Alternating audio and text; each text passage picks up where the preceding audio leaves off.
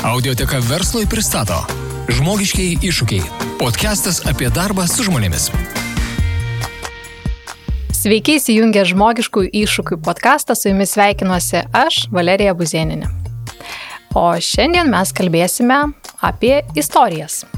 Suprantu, kad skamba pakankamai abstrakčiai, bet ko gero ne vienam iš mūsų teko girdėti terminą storytelling. E, storytelling yra sėkmingai ir pakankamai plačiai išnaudojamas tiek rinkodaroje, tiek pardavimų srityje, netgi personalo atrankoje.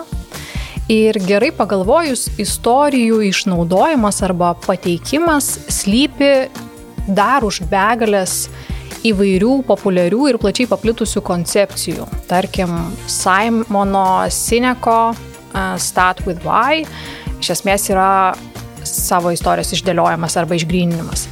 Uh, Elevator Pitch, kurį irgi pakankamai gerai žinome, tai taip pat yra savo istorijos perteikimas įtraukiančiai ir trumpai kitiems žmonėms.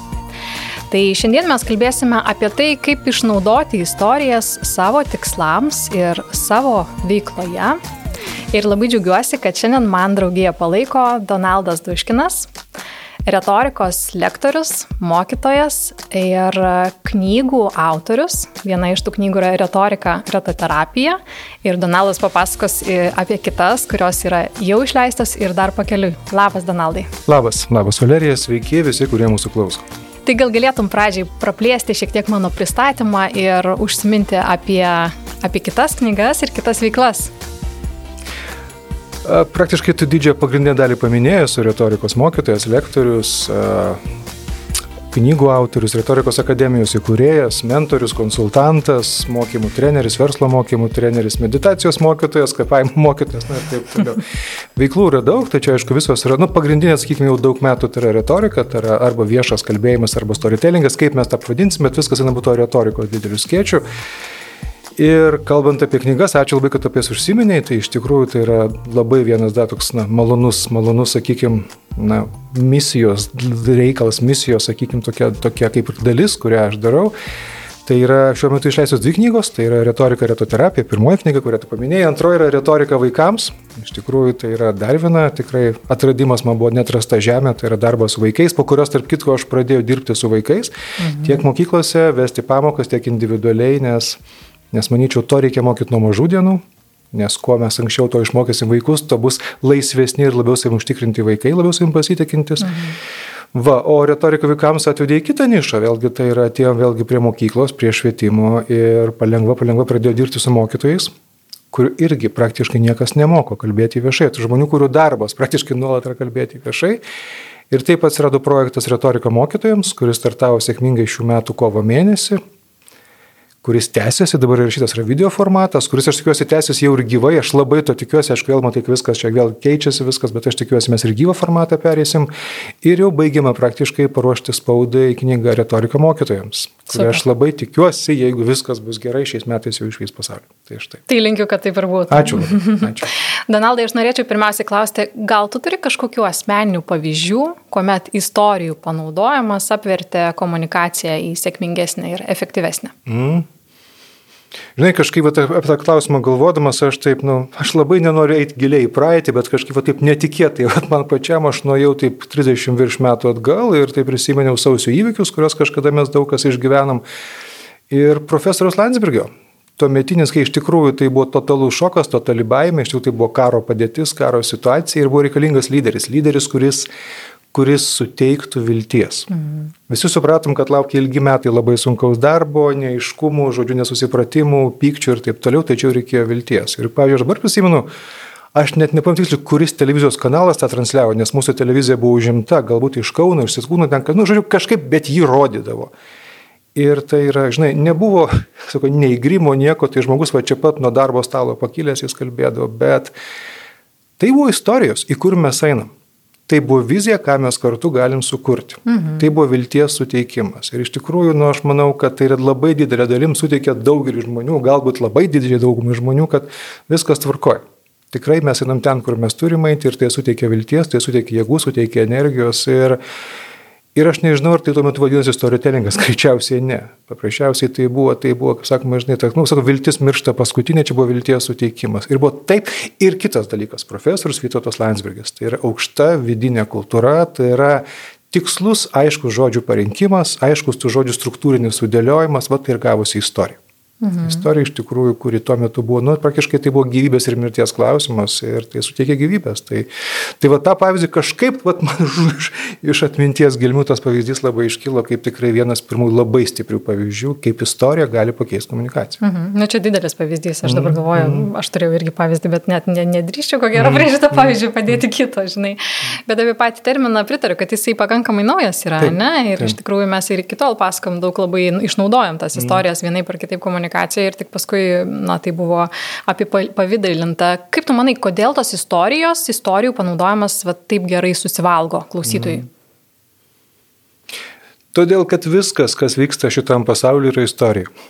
Mes nieko daugiau nedarom, kai pasakojame vieni kitiems savo istoriją. Dabar aš pasakoju istoriją Valerijai, Valerija pasakoja savo istoriją man. Mes keičiamės istorijomis. Mhm. Ir žinai, kas yra? Istorija tai yra emocija. Ir mes esame gyvos būtybės, mes esame žmonės, mums emocijos tai yra gyvenimas. Dėl to, pavyzdžiui, čia, pavyzdžiui, žmogus sako sausus faktus, kas yra gerai faktai, skaičiai, kas viskas tvarkoja, to tikrai reikia, jokiais būdais netmetu. Tačiau tai yra mūsų protas veikia, viskas tvarkoja, aš suprantu intelektualiai, kad to reikia, dėlioju tos skaičius, faktus, rašausi ir staiga atsiranda istorija visame tame kontekste. Ir tai yra emocija, tai yra, tai yra širdies kalba. Tai yra, sunti, tai praktiškai tai grįžimas į tą, į tą vaikystę tokią, sakykime, šventą, dar kažkas nežinau. Tai yra tai, kas mus visus vieni. Tai yra tai, kas mus paverčia kažko aukštesnio dalim. Supranti, kaip sakau, nu, būna, pavyzdžiui, tai ką, ką gali gera istorija? Gera istorija tave pagydyti gali. Tau temperatūrą numušt gali, vėlgi tai yra. Ir tokių pavyzdžių yra begalės.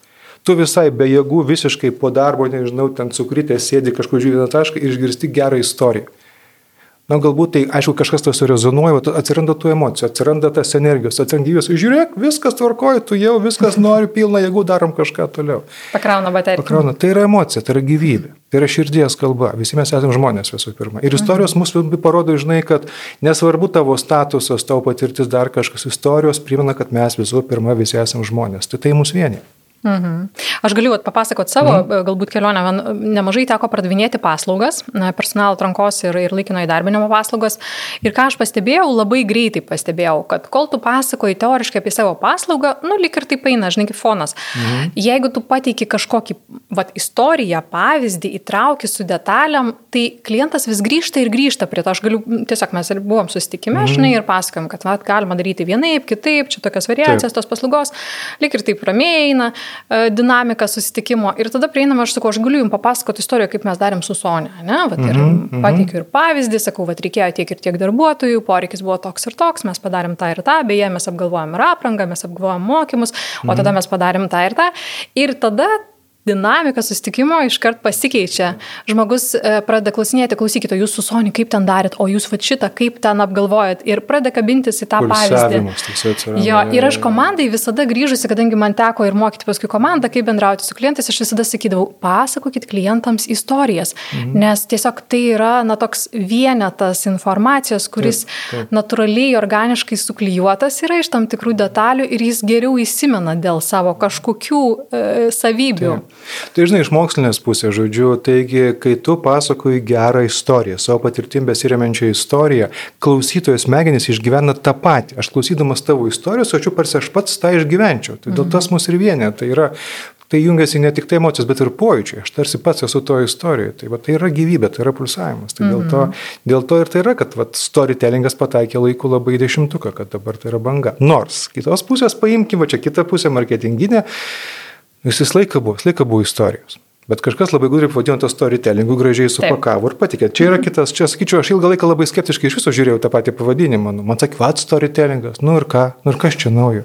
Tūkstančiai metų tam storytellingui, niekas tai nevadino. Kažkada buvo, tai viskas po retorikos skiečių, iškalba, viešasis kalbėjimas. Bet kažkas labai, labai ir komplimentai tiem žmonėm, kurie tai vadino storytellingu, viskas tvarkoja. Čia kaip ir su visais konceptais. Viskas, čia viskas jau. Terminai. Jo, jo, tada... Tai čia visom komplimentai, viskas mm gerai, puikiai pardavė. Mhm.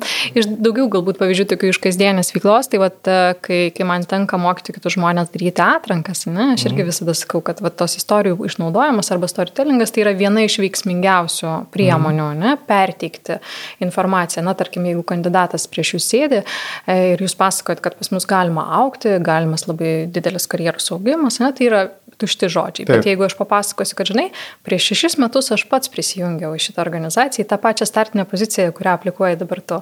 Mm. Po metų aš pajudėjau į kitą poziciją, tada aš gavau naują iššūkį ir, ir dabar aš esu ten, kur esu.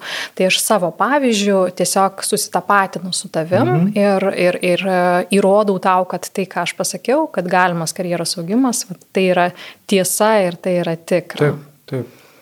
Paimkim dabar, pavyzdžiui, tą pavyzdį. Dabar, žinai, Maskas išskrido į kosmosą, prieš tai Bransonas ten su kompanijais. Kad dažnai, pavyzdžiui, Bransono knygoje Nekaltybės praradimas, berots pirmoji tai didelė knyga tokia autobiografinė, kaip jis metų prieš septintais metais ar šeštais išleista. Tada jis rašo paskui istorijas, kaip jis mato Virgin Galactics, kad kažkada tai bus, kažkas skrisim į kosmosą vėlgi. Ir jis jau tenai pasakoja tas istorijas raštu, kaip jis. Ir staiga tai įvyko. Praėjo ten kažkiek 14-15 metų ir jisai viskas išskrido.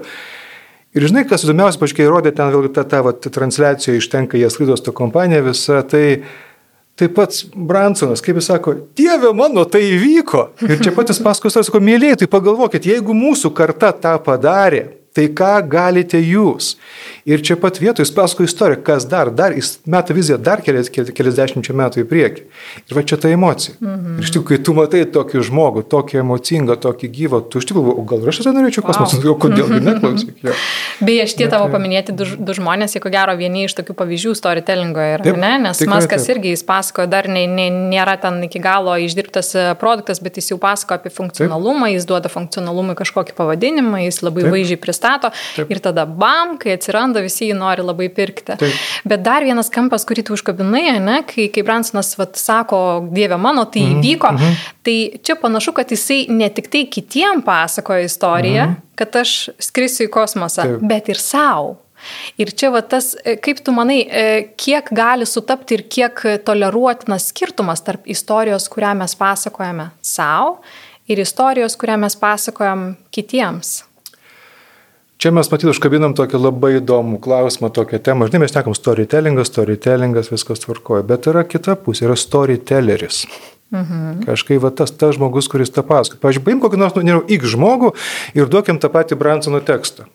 Nu, fain, o jeigu jūs gal, mes tą galėjom, jūs irgi tą galėsite. Nu, galbūt aš kaip utriruoju, aišku, bet vėlgi tai yra, kas tai yra, žinai, nu, aš matydamas tokį žmogų, matydamas tą šimtaprocentinį jo tikėjimą, aš pats pradedu tikėti, kad tai yra įmanoma.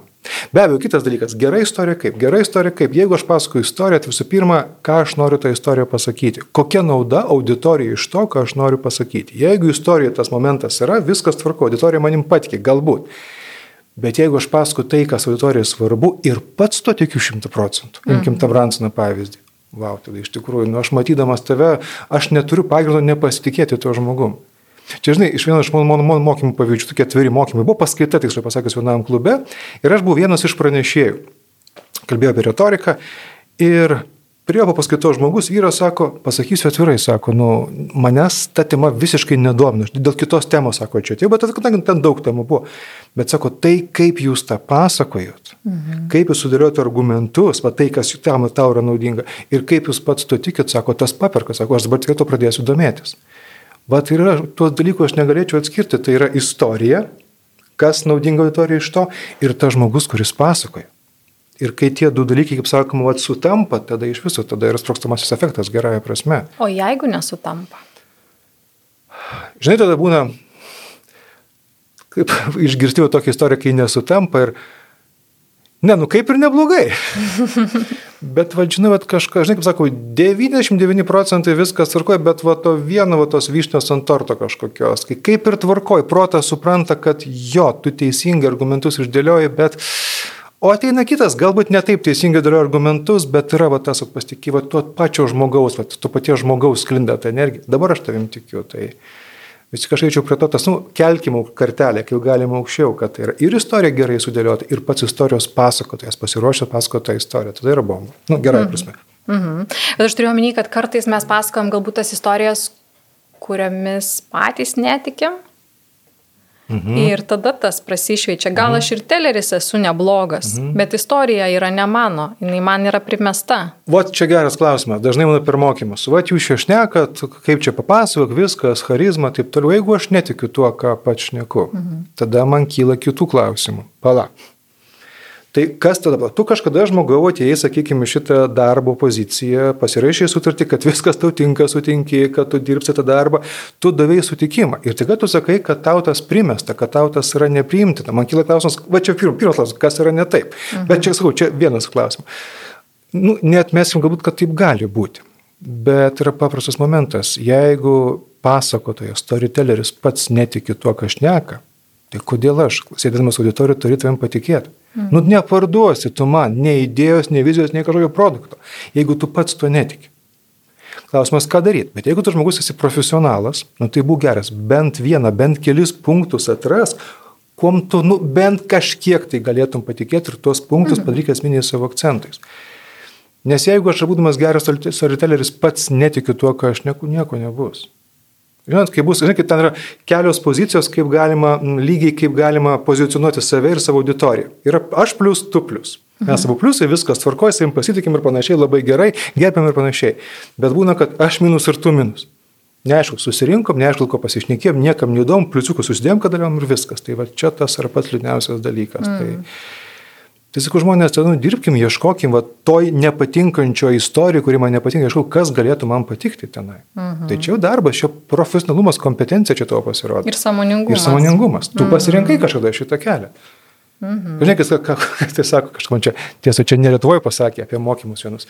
Mus privertė čia ateiti vidinius mokymus. Privertė, jo. Ja reiškia, rankas užlaužė, kojas ir privertė čia. Kažkada tu pasirašai sutartį, kad sutinki, kad eisi į mokymus ir taip toliau. Tu davai tą sąmoningą sutikimą. Tai čia, va, čia lygiai tas pats yra tas mhm. sąmoningumo klausimas. Kalbant apie verslą, kur tu mhm. matai, kad va, tos istorijų panaudojimas labiausiai tinka, kokios yra situacijos, galbūt, na, ar auditorijos, ar, ar tas teleris? Kadangi, žinai, aš didžiąją dalį savo kaip mokymo konsultantų dirbu su pardavėjais, tai faktas, tai čia pardavimas vienareikšmiškai, čia pirmas dalykas. Mhm. Tai yra, mhm. tu man papasako, kaip tas veikia, kokia man nauda iš to, kokią mano problemą sprendžia, kokias man galimybės suteikia, vienareikšmiškai tai pirmas dalykas. Bet kitas dalykas, aš sunkiai įsivaizduoju sferų, kur to nereikėtų. Aptarnavime vienareikšmiškai, mhm. vadovavime vienareikšmiškai, personaliai vienareikšmiškai, marketing vienareikšmiškai komandų viduje vienareikšmiškai. Tai iš tikrųjų ir grįžtam vėl prie to paties, kad viskas, kas vyksta tarp mūsų, tai yra istorija. Mhm. Sakau, nu, nerastų matyt punkto, kur tu, tau nereikėtų būtent šitų gebėjimų. Mhm. Tai ką mes turim numatyti, kad ta mūsų istorija ar perdodama žinutė būtų paveikia? Žinai, čia grįžtam tada jau prie prie to didžiojo to skiečio, tai retorikos. Ir, ir mano metodologija, kurią aš atidirbau, dirbdamas daugiau nei 25 metus auditoriją, tai tai, kas yra retoriko retoterapijų knygoje, jo ta metodologija pristatyta, tai aš sakyčiau, pagalvokime apie septynis elementus kas sudaro bet kokios geros istorijos ir gero istorijos pasakotojo pagrindą, septyni elementai. Visų pirma, tai paties pasakotojo nusiteikimas. Nusteikimas, mintis, įsitikinimai, su kokiu nusteikimu, su kokiu mintim aš ateinu kalbėti, pasakot savo istorijos. Mhm. Nes jeigu aš tingiu, nenoriu, nusibodo, nu, tai tu to nepaslėpsi, tas ir jausis. Tačiau jeigu tu myli savo auditoriją, ją gerbi, tu kitaip prakalbėsi visiškai. Tai pirmas dalykas, pagalvokime nusteikimą. Antras - charizma. Amžinas klausimas. Įgimta ar įgyta? Mhm. Ovenas Fitzpatrickas aiškiai parašė, juodo ant balto, charizma tai yra mūsų gebėjimas būti pačiai savimi, mūsų autentiškumas. Mhm. Mūsų gebėjimas tą autentiškumą parodyti, originaliai išreikšti savo klausytojams. Ir to galima išmokti. Dėl to charizmą mes galim lavinti, mes ją galim tobulinti ir tapti pačiais geriausiais storytelleriais. Tai turim mintis, turim charizmą. Toliau yra kvepavimo valdymas tam, kad valdytum save, kūno valdymas tam, kad gebėtum atsipalaiduoti, balsas, kas iš tikrųjų, tarp kitko, balsas yra penktas elementas, bet Kartais aš jaučiuosi kaip kosmonautas, kai pradėjau šnekėti apie balso valdymą. Kaip keista, daug geriau tai būna balsas, o ką, nu, ir arba nėra. Dieve mano, tai mes esame, mūsų balsas tai, kas esame mes, tai yra mūsų esmė išreikšta per garsą. Balsas daugiau nei 50 procentų veikia mūsų auditoriją nesąmoningai. Žemas balsas, žemos vibracijos yra pasitikėjimas, yra užtikrintumas. Aukštas balsas, aukštos vibracijos tai yra nepasitikėjimas. Vėlgi, balsas yra valdomas. Vėlgi, tai yra penktasis elementas, tai valdykim, mokykime, lavinkim, tobulinkim savo balsą. Mhm. To jau penkis turim ir dar du, tai yra struktūra. Tai yra istorijos struktūra, nuo ko aš pradėsiu, kaip užkabinsiu auditorijos dėmesį, ką pasakysiu vidury, kokius sprendimus ir kaip aš pabaigsiu, kokį užmėsiu kitą žingsnį, kabliuką kitam sustikimui, vėlgi tai yra pati struktūra. Ir dar vienas elementas tai, tai yra mūsų žodžiai. Kokius žodžius mes naudojam savo istorijai.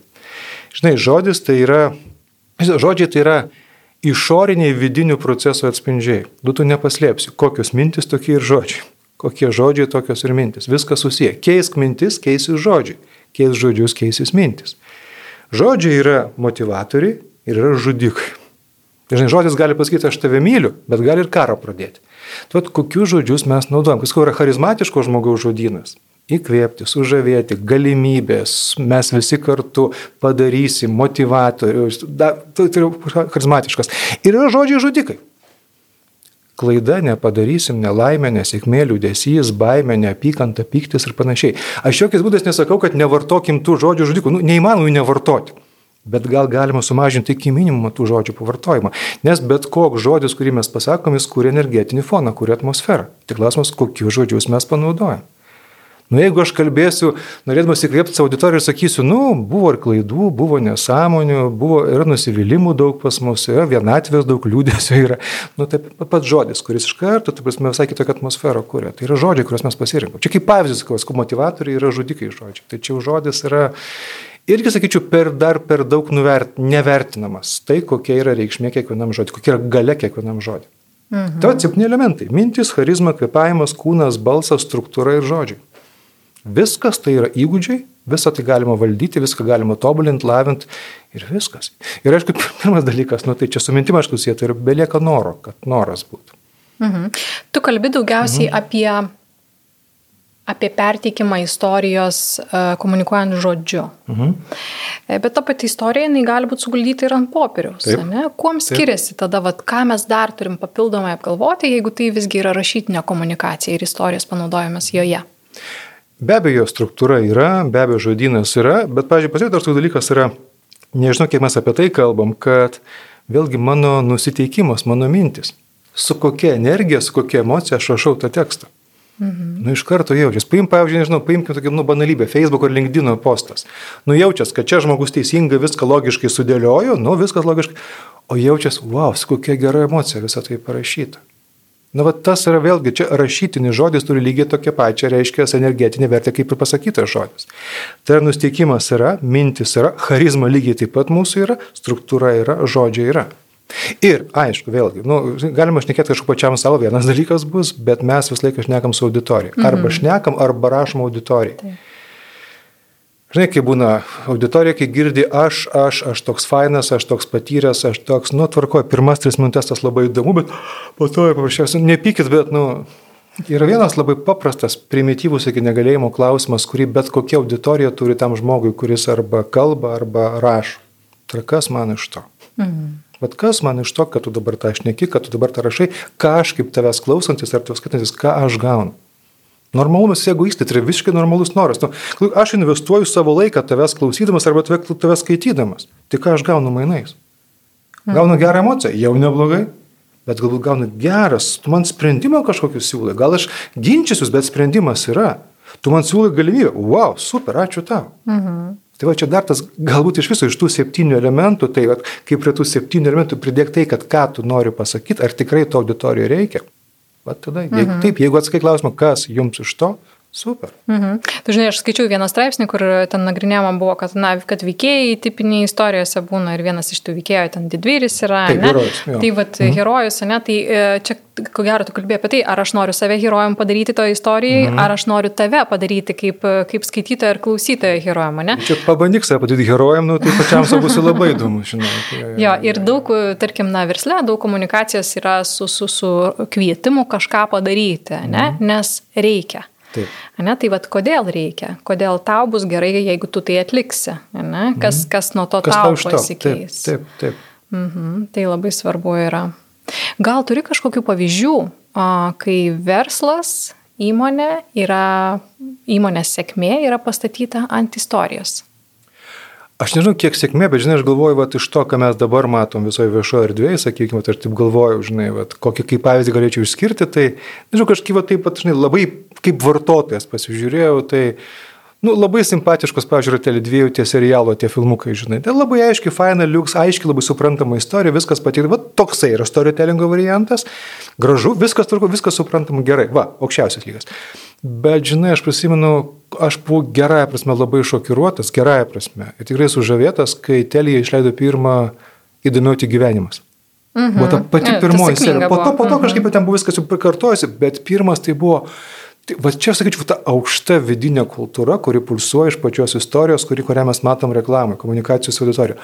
Tai buvo kažkas tokio. Žinai, iš tikrųjų, va, aš visai kitaip pradėjau žiūrėti patį tą brandą. Žinai, wow, čia yra stipru. Aš tik nuo savęs, aš kalbu, aš nežinau kaip kiti, bet, sakykim, tai, yra, tai buvo labai stipru. Mhm. Bet iš tos retorinės, storytellingo pusės tai buvo labai, nu, čia komplimentai mano didžiausi. Mhm.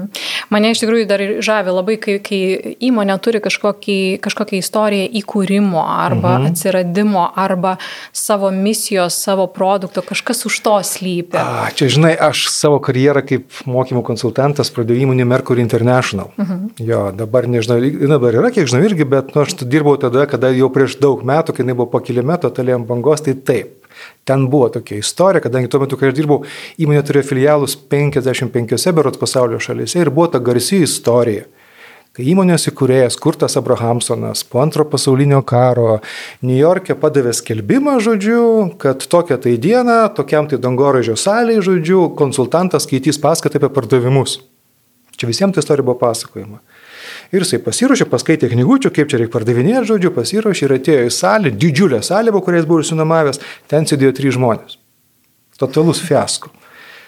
Jisai nepasakė, kad, jisai, nežino, kas tas konsultantas, jisai priejo ir apsimetė asistentų ir sako, atsiprašau, konsultantas susirgo, šiandien negalės dalyvauti, mokymai paskaita bus už dviejų savaičių. Na nu, ir tie žmonės, jeigu sako, nori galite atsimti pinigus, bet jeigu ne, tai teikit už dviejų savaičių. Ir ką padarė Kurtas Abrahamsonas, jis tada atėjo tą dangoraižį dar kartelį ir pradėjo nuo viršutinio aukšto eiti žemyn ir užėti į kiekvieną ofisą ir ten pristatinėti save, pristatinėti savo mokymus, pardavinėti pats save. Ir po dviejų savaičių jis surinko visą salę, Ir tai pravedė tą paskaitą. Žodžiu, mintis tokia, kad prieš tai, kai tu mokai kitus pardavinėti, visų pirma, mokykis parduoti pats. Kiek čia yra tikra istorija, kiek čia legenda, nebesvarbu. Bet esmė, kad va, tokia istorija iš tikrųjų buvo ir visi mes tą istoriją girdėjome, mes iš jos mokėmės, kad pats kurtas Abrahamas va taip darė. Tai iš tikrųjų mm -hmm. tai čia buvo superinė ta, istorija. Superinė, superinė iš tikrųjų. Bet joje dar yra koks elementas, kad man iš pradžių nepavyko, aš nepasidaviau taip, ir va, aš turėjau taip, planą taip, ir čia taip, toks labai taip, stiprus užtaisas pavyzdys. Iš tikrųjų, tai buvo mm -hmm. tarptautinė kompanija, va, va čia iš tikrųjų. Mm -hmm. taip, ir tai, tai, tos metodikos bent kai aš dirbu ir buvo laikomas vienareikšmiškai, tai labai gražu. Mm -hmm. Tai va, šitas pavyzdys labai, labai smagus. Galbūt, e, na, kitas, e, tarkim, prasmės e, pavyzdys, man teko dirbti mhm. su, su nemažai tarptautinių įmonių atstovauti kaip atrankos partneriu, ne, ir viena iš tų įmonių ir iki šiol, ko gero, vienas iš, iš tokių mylimų klientų yra Veliux, mhm. Danų mhm. stogo mhm. langai. Mhm. Mane visada žavėjo, kaip jie pristato savo įmonę ir jos pagrindinę veiklą ar paskirtį. Jie sakydavo ir iki šiol, matyt, sako, kad mes nesame įmonė, kuri tik gamina stogo langus, mes esame įmonė, kuri suteikia žmonėm galimybę džiaugtis grinų orų ir šviesa ten, kur tai kitaip būtų neįmanoma. Ir tu išgirsti tą sakinį ir jis nepasakė nieko ypatingo, mm -hmm. bet jis tai absoliučiai paperka ir gal dešimt metų praėjo, aš vis tą sakinį atsimenu ir mane jis, na, tiesiog jisai sužavė, nes kažkas yra didesnio už to, ne? Ir važiuok, čia ką jis padaro puikiai. Visų pirma, atsako klausimą, kas tau už to, puikiai atsako, ką tu gausi ir plus emocijų. Mhm. Tai yra kuriama emocija, tai yra gyvybė, tai yra sprendimas, tai yra idėja, tai yra emocija. Viskas, mhm. tai yra visi elementai. Jo, tas pats Viliuksas per pokalbį, tarkim, ką jie darė, e, pristatinėjo savo vertybės ant medinių kaladėlių. Mhm. Ir rodydavo mhm. mūsų pamatinę vertybę ir tada medinę kaladėlę, tada antra vertybė. Vėlgi, vizualiai aš tau rodau ir pasakoju istoriją, mhm. kuo mes mhm. gyvename. Tai tas irgi visada. Tai čia, žinai, kažkada prisimenu dar, kai Circle K buvo statoilas, nedar, dar anksčiau, kai buvo, nu kas yra, kodėl būtent va toj kolonėlį kažkokie visi va pardavėjai, tie aptarnaimo žmonės, nu tokie visi besišypso tau pasiūlo kažką, nu gerai ten būti, žinai. Mhm. Kažkas su kolegomis buvom vėlgi ten nuvažiavę į, į statoilą tuometinį, kalbėjom su personalo žmonėmis. Sakom, tai kame paslaptis jūs? Kaip gražiai pasakė tapsi moteris, kad sako, matot, mes perkam požiūrį ir duodam tam požiūriui žinias. Mhm. Visų pirma požiūris, tik po to yra žinios. Pirma širdis ir emocijos, o jau po to yra intelektas ir protas ir taip toliau. Žinios, prasme, būtent tas. Va, ilgai, labai aiškiai, labai aiškiai. Ir dabar, kai tu atsispranti, va, iš tikrųjų, žmogus turi požiūrį, va, čia yra požiūris. Mhm. Į tai žiūriu kaip į svečią, kaip į lauktą svečią ir tai yra labai, tai yra emocijos, vėlgi, mhm. tai yra gyvenimas. Ir tai tas ta, veikia. Tai vienreikšmiškai, taip. Mhm. Ir tai yra istorija, kurią jie pasaka, vėlgi, taip, per tokį požiūrį. Mhm. Donaldai, gal tu turi pavyzdžių, galbūt Lietuvoje arba ne Lietuvoje, vadovų komunikacijos ir istorijų?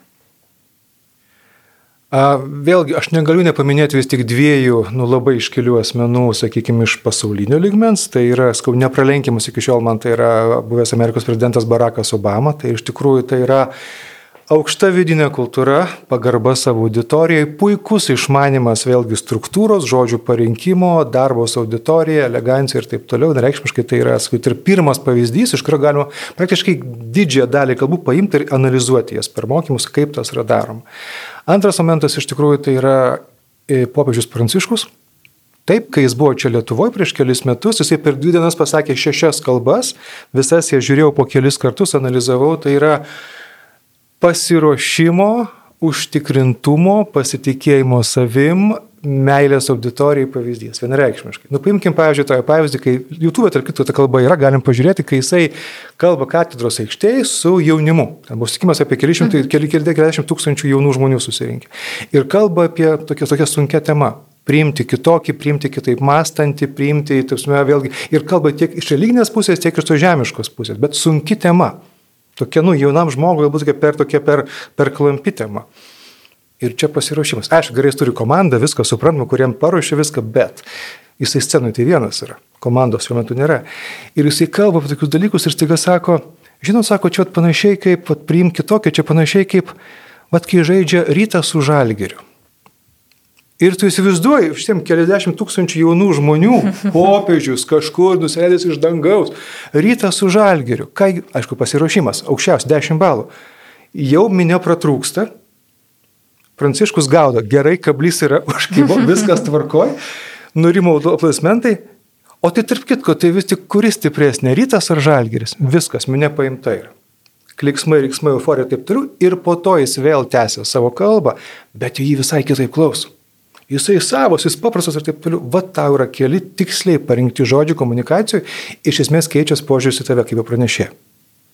Tai čia iš tokių globalių, sakykime, tokių mūsų dviejų asmenų. Mm. O iš tokių lietuviškų pavyzdžių, tai žinai, aš vėl aš grįžtu į mano buvimo Mercury International, tuo metu, kai dirbau prie jų nemažai metų ir tuometinį mano vadovą, Gintautą Klusą. Tai yra žmogus, kuris, žinai, praktiškai, vat, kuris mane, vat, praktiškai dabartinį ir tokį ir sulibdė, žinai, tokie atėjusi iš meno, visiškai tokį, žinai, šaltai, baltai. Jis suprato, ko man reikia, ta prasme, kad aš nu pradėčiau aukti. Ir tai grinai per istorijas. Kaip kūrėsi Merkuris, kaip jisai atėjo Merkurį, kaip vystosi įmonė, kokia vizija ir taip toliau. Ir tai buvo aukštos vidinės kultūros, intelekto, pasitikėjimo savim, meilė žmonijai, žmonėms ir tas va, toks lydinys toks. Ir iš tikrųjų, tai aš klausydavau tų istorijų ir aš, aš pirmus du metus aš net suabejot nedrįzdavau, kad kažkas gali būti ne taip. Ir tų istorijų dėka aš augau, iš tikrųjų, va, pavyzdys. Aš tikiuosi, jis dabar sveikas gyvas, jam viskas tvarkoja, ta prasme, ir tai yra mano vienas, vienas pagrindinių mokytojų. Vėlgi mhm. istorijų dėka, jo istorijų dėka aš išaugau. Mhm. Užaugau, gal dar neišaugau. Okay. Žinai, dabar tikriausiai klausytojai klauso ir galvoja, kaip ta auditorija, žinai, kas man, kas man iš to. to. Ja, ja. Tai kaip vad klausančiam žmogui dabar pasakytum, ką su visa šitą informaciją daryti ir kaip pasimti ją? Aš gal pasakysiu, gan dažnai tenka girdėti, kad mm, storytellingas, gebėjimas papasakoti tikinimai tai yra duotybė, duoti arba neduoti. Tai iš tikrųjų, ką aš noriu pasakyti, kad ką mes dabar šnekam ir kuo aš dalinuosi tavo klausimų dėka, kad tai yra įgūdžių klausimas. Visa tai yra įgūdžiai, to galima išmokti. Galima išmokti būti charizmatišku, išmokti valdyti save, valdyti auditoriją, gerai papasakoti. Ir pagrindinis dalykas, o tai, ką mes šnekam, tai ne, ne tiek, kad iš, iš kažkur. Tai yra, sakoma, nuoseklus darbas, įgūdžių lavinimas, įgūdžių tobulinimas, noras padaryti vėl kažką geriau negu buvo vakar ir to kiekvienas mes galime išmokti. Mhm. Storytellingas yra tai, ko galima išmokti, tai yra įgūdis, kurį galima išlavinti. Ir aš neatsakyčiau, kurį būtina lavinti. Nes gal pradėkime iš viso, nu, nepradėkime, teskim, kad viso, kas, kaip aš žiūriu retoriką. Retorika tai ne tik tai storytellingo ar kalbėjimo menas. Visų pirma, tai yra vidinių laisvų žmonių menas. Mhm. Ir besimokydamas storytellingo, tu mokysies vidinės laisvės, to atsipalaidavimo. Ir tai irgi yra įgūdis, kurio mes galime išmokti. Tai vat, vat, sakant klausimą, kas iš to, tu tiem žmonėm, kurie mus klauso, ei, tai yra įgūdžiai, kuriuos mes galim, tai nėra, kad duota arba neduota. Mhm. Visiems duota. Tik vieni tą žino ir tą naudoja, kiti tą pamiršo. Mhm. Bet tai yra, ko gero, ir šiek tiek ir, na, vidinės laisvės, visiškai pritariu ir galbūt šiek tiek ir drąsos, ką aš turiu omeny, nes kasdieniam savo na, bendravime, mhm. komunikacijai, gal mums ir nereikia ten ypatingų, ypatingų sugebėjimų Taip. pertikti žinutę ir panaudoti tam istoriją, bet ko gero ne kiekvienas išdrįsta atsiverti, nes pasakodamas istoriją, savo istoriją arba na, su tavim susijusią, nebūtinai mano, mano, mano istorija, bet su manim susijusią istoriją, tu lik ir labiau atsiskleidi, tu atskleidi dalelę savęs Taip. labiau. Ir ko gero ne visi žmonės tam ir ryštasi. Mano dėstytoja, kai mokiausi, studijavau Lietuvos muzikos ir teatro akademijoje, vaidybų režisūrai, dėstytoja režisierė Irena Bučienė sakydavo, viešas kalbėjimas, dėl ko taip žmonės, nu, daug žmonių vis tik, nu, tik sak man, vengia to. Viešas kalbėjimas yra dvasinis striptizas. Mm. Labai graži, aiški metafora. Taip, tave mato va tokį, koks tu esi. Iš tikrųjų, tu atsiveri. Tu matai su savo stiprybėm, savo baimėm, savo kompleksais, savo privalumais ir panašiai. Ir tikrai, na, ne visiems tas yra priimtina. Iš kitos pusės, va čia yra tavo ta dalis, va, storytellingo, bet žinai, nu, mes mylim kokius, mes mylim autentiškus žmonės, tikrus atvirus žmonės. Ir dėkingi esam tiem, kurie atsiveria. Nes net, tarkim, buvau konferencijų ir iš tikrųjų buvo daug gerų pranešėjų, bet buvo viena pranešėja, kuri galbūt tematiškai, nu, ten nelabai svarbu, kodėl, apie ką ten ta tema buvo. Iš tikrųjų, palyginus su kitais, nebuvo nei struktūros tokios griežtos, nieko, bet va tas autentiškumas ir atvirumas žmogaus, va tas nuoširdumas ir natūralumas, organiškumas, jis papirko visus. Ir iš tikrųjų, ką dabar geriausiai prisimenu, geriausiai prisimenu būtent tą pranešėją. Būtent tas, mhm. sakau, nors aišku taip, tai tikrai nėra lengva, tai tai nepaprastai ir tikrai dėl ko daugiau nei 80 procentų pasaulio gyventojų jaučia diskomfortą kalbėdami viešai su auditorija, dėl to va, atsiverimo baimės. Mhm. Bet aš manau, kad tai ypatingai svarbu na, žiūrėti į tą naudą, ne tik tai, tarkim, pasidalinti informaciją apie istoriją, mhm. bet ir galbūt įkvėpti, padrasinti ar palaikyti kažką. Ypatingai mhm. dabar, kai mes kalbame apie tą masinį tokį perdegimą ar nuovargį, kuris Taip. vyrauja ne, po tų dviejų tokių sunkių metų. E, tai, tarkim, paimti tą pačią vadovo komunikaciją, e, dalinti savo asmeninę istoriją, kaip aš šiuo metu jaučiausi, jaučiuosi, ar ar kai, kuomet galbūt aš turėjau sunkesnį laikotarpį ir kaip aš jį įveikiau, kokios aš pagalbos e, turėjau ar, ar ieškojau, arba tarkim, na, mano klaidos, ar mano atradimai, ar mano pasiekimai, ne? nes mes visi einam per panašius procesus taip, taip. ir jeigu mes pasakojam vieni kitiems savo istorijas, dalinamės, mes taip pat padedam kitiems žmonėms galbūt įveikti tas pačias kliūtis ir, ir aukti, kaip, kaip tu sakai. Tikrai taip. Tai čia paimkim garsų į patį Kalenčionį, jo penkias komandos disfunkcijos ir pirmoji tai yra pasitikėjimo trūkumas ir apie ką aš nekalenčionis, kad nebijokit parodyti savo pažeidžiamumą. Ir ypatingai vadovas, nebijokit, prasme, tu negat, neturi būti neklystantis. Taip, turi klysti, irgi esi pažeidžiamas ir viskas tvarkoja. Aišku, jau kasdien apie tai išnekėsi, galbūt bus ne visai tvarkoja, bet, sakykime, kars nuo karto tą parodyti, tai yra tvarkoja. Aš nebijau to pasidalinti, viską, aš irgi žmogus. Visų pirma, tai čia yra. Mhm. Aš norėčiau šiek tiek grįžti prie tos, e, vat, bandžiau užkabinti, mes kalbėjome apie tai, ne, istoriją, kurią aš pasakoju savo ir istoriją, kurią aš Taip. pasakoju kitiem.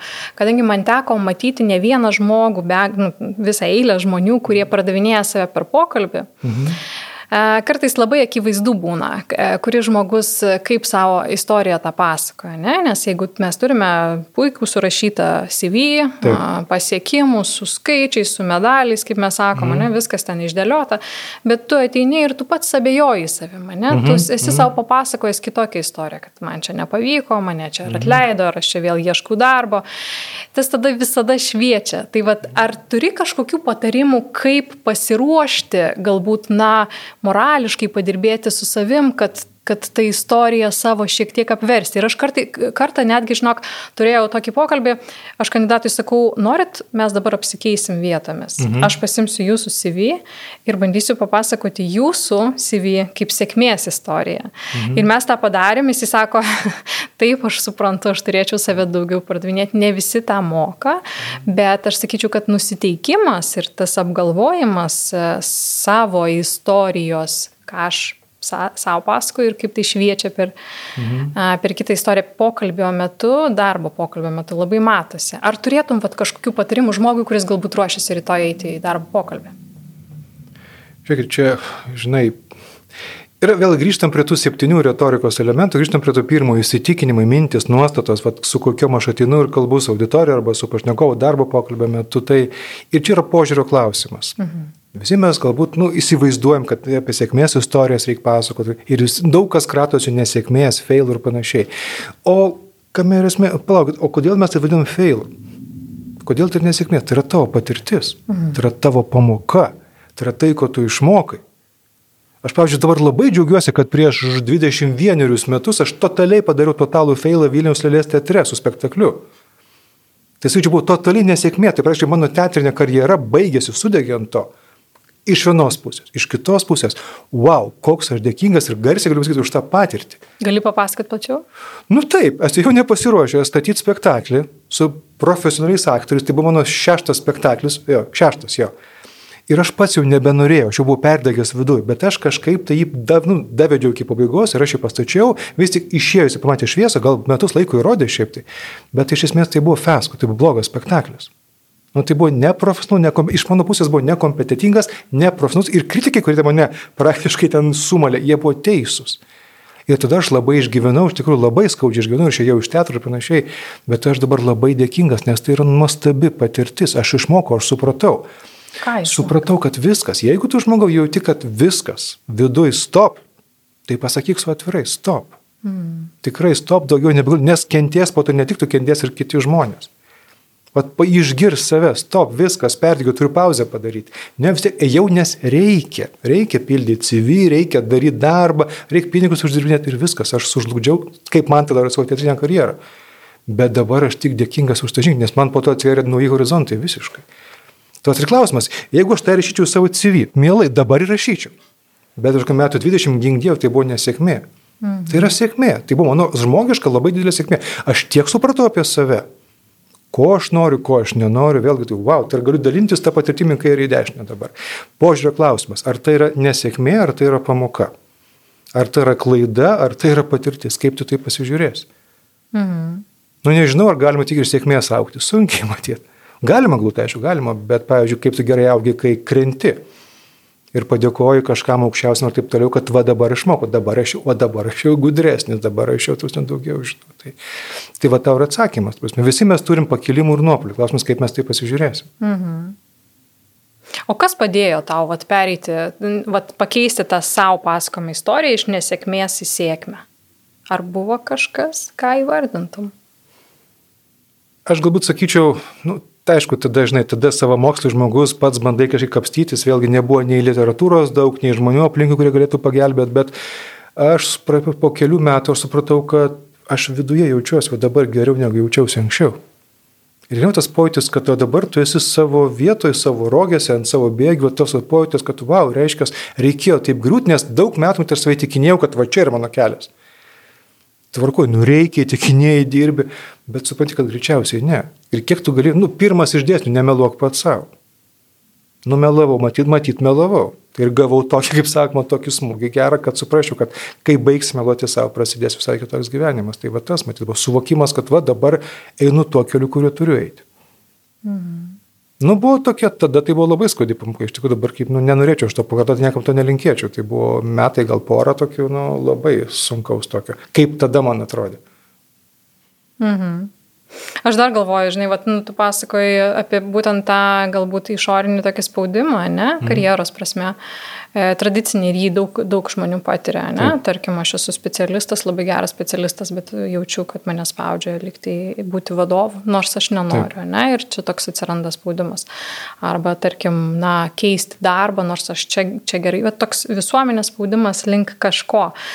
Kiek tai susiję yra su vėlgi istorijom, Nes jeigu aš pasakoju istoriją, na, kad tai buvo nesėkmė arba kad tai yra sėkmė, sėkmė, bet aš ją netikiu, tai vat, ir atsiranda tas, tas disonansas ir kiek aš galiu netgi kalbėdamas, gal kitam perteidamas tą istoriją, pats save pagauti ir savo atsakyti klausimą, kad čia nėra mano istorija.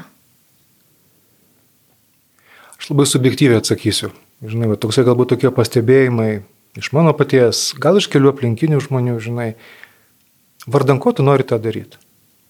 Man įdomu pabandyti. Mhm. Nežinau, ar verta tą daryti. Jaučiu, kad mano daryk. Mhm. Žinai, aš tiek kartų nusivylęs, aš tiek turėjau daug tokių pasiūlymų bendradarbiauti. Bet mes norim pardavinėti jūsų paslaugas. Mes, va, gerai, dėl ko jūs norite? Mums įdomu pabandyti. Viskas, nieko nebus. Jauti, kad tavo daryk. Įdomu pabandyti, nežinau, nu, gal pirmą, trumpai kažkas, bet tai neveikia. Žinai, o, kaip čia tas, kas ten pasakė, kuris iš garsiųjų, kad viso žmogaus nelaimės dėl to, kad žmogus nesugeba ramiai pasidėti vieną savo kambarį ir pasiklausyti pats savęs, paskalis ar kažkas iš tų garsiųjų, žinai. Tai va čia tas, va, nu, siūlo tau darbą geresnį, siūlo tau pareigas geresnės, pagalvok tikrai, ar vardan ko tu nori tą daryti. Mhm. Taip, CV gerai, karjera super, alga nuostabu. Klausimas, kiek patems, jeigu ne pats prieš save kiek, ar ilgai, ar verta. Tai vat, bet mes išnekam tos labai tokius, žinai, savęs pajūtimo dalykus ir iš mhm. retorikos elementų, skaičiuoja čia tas kūnas, žinai, pajūtimas. Būna kartais kūnas sako, tavo ar ne tavo. Mhm. Žinai, pažydamus dalykas, aš turėjau pasiūlymą bendradarbiauti su viena labai gera įmonė, viskas tvarkoj. Du kartus ėjau į pokalbį, du kartus prieš pokalbį mane, mano skrandis taip sustrikuodavo, kad aš nepaėdavau. Nesuprasdavau nuo ko. Aš dabar suprantu, kūnas sakė, ką tu darai? nei valgiau nieko, nei ką, bet tai, vat, nu, vat, reiškia, kūnas jau čia išgirskim save. Sakau, čia ar kūnas, ar, ar potis, ar galų galė, nu, sakau, paklaus paprastą klausimą, vardan ko tu tą darai. Ir nuo atsakymą, reikia, nedaryk. Mhm. Tikrai noriu, daryk. Mhm. Ačiū tau. Ačiū tau. Tai, mėlyjeji, mes skatinam jūs nebijoti dalinti savo istorijom ir įdėti meilės į tai, ką jūs darote, ten, kur jūs esate. Donaldai, ačiū labai už tavo istorijas. Ačiū tau. Jos tikrai įkvepiančios ir, manau, privers susimastyti ne vieną. Tai ačiū dėkui. tau, ačiū labai visiems. Ačiū. Iki. Iki. Jūs klausite podcast'o Žmogiškiai iššūkiai. Kad nepraleistumėte naujų epizodų, kviečiame prenumeruoti laidos naujienlaiškį adresu žmogiškiai.lt. Podcast'ą prenumeruoti taip pat galite per Apple Podcast, Google Podcast, Spotify, Stitcher ir kitose platformose. Laidos partneris Audioteka verslui. Nuolatinio tobulėjimo kultūra jūsų organizacijoje. www.audiotekaverslui.lt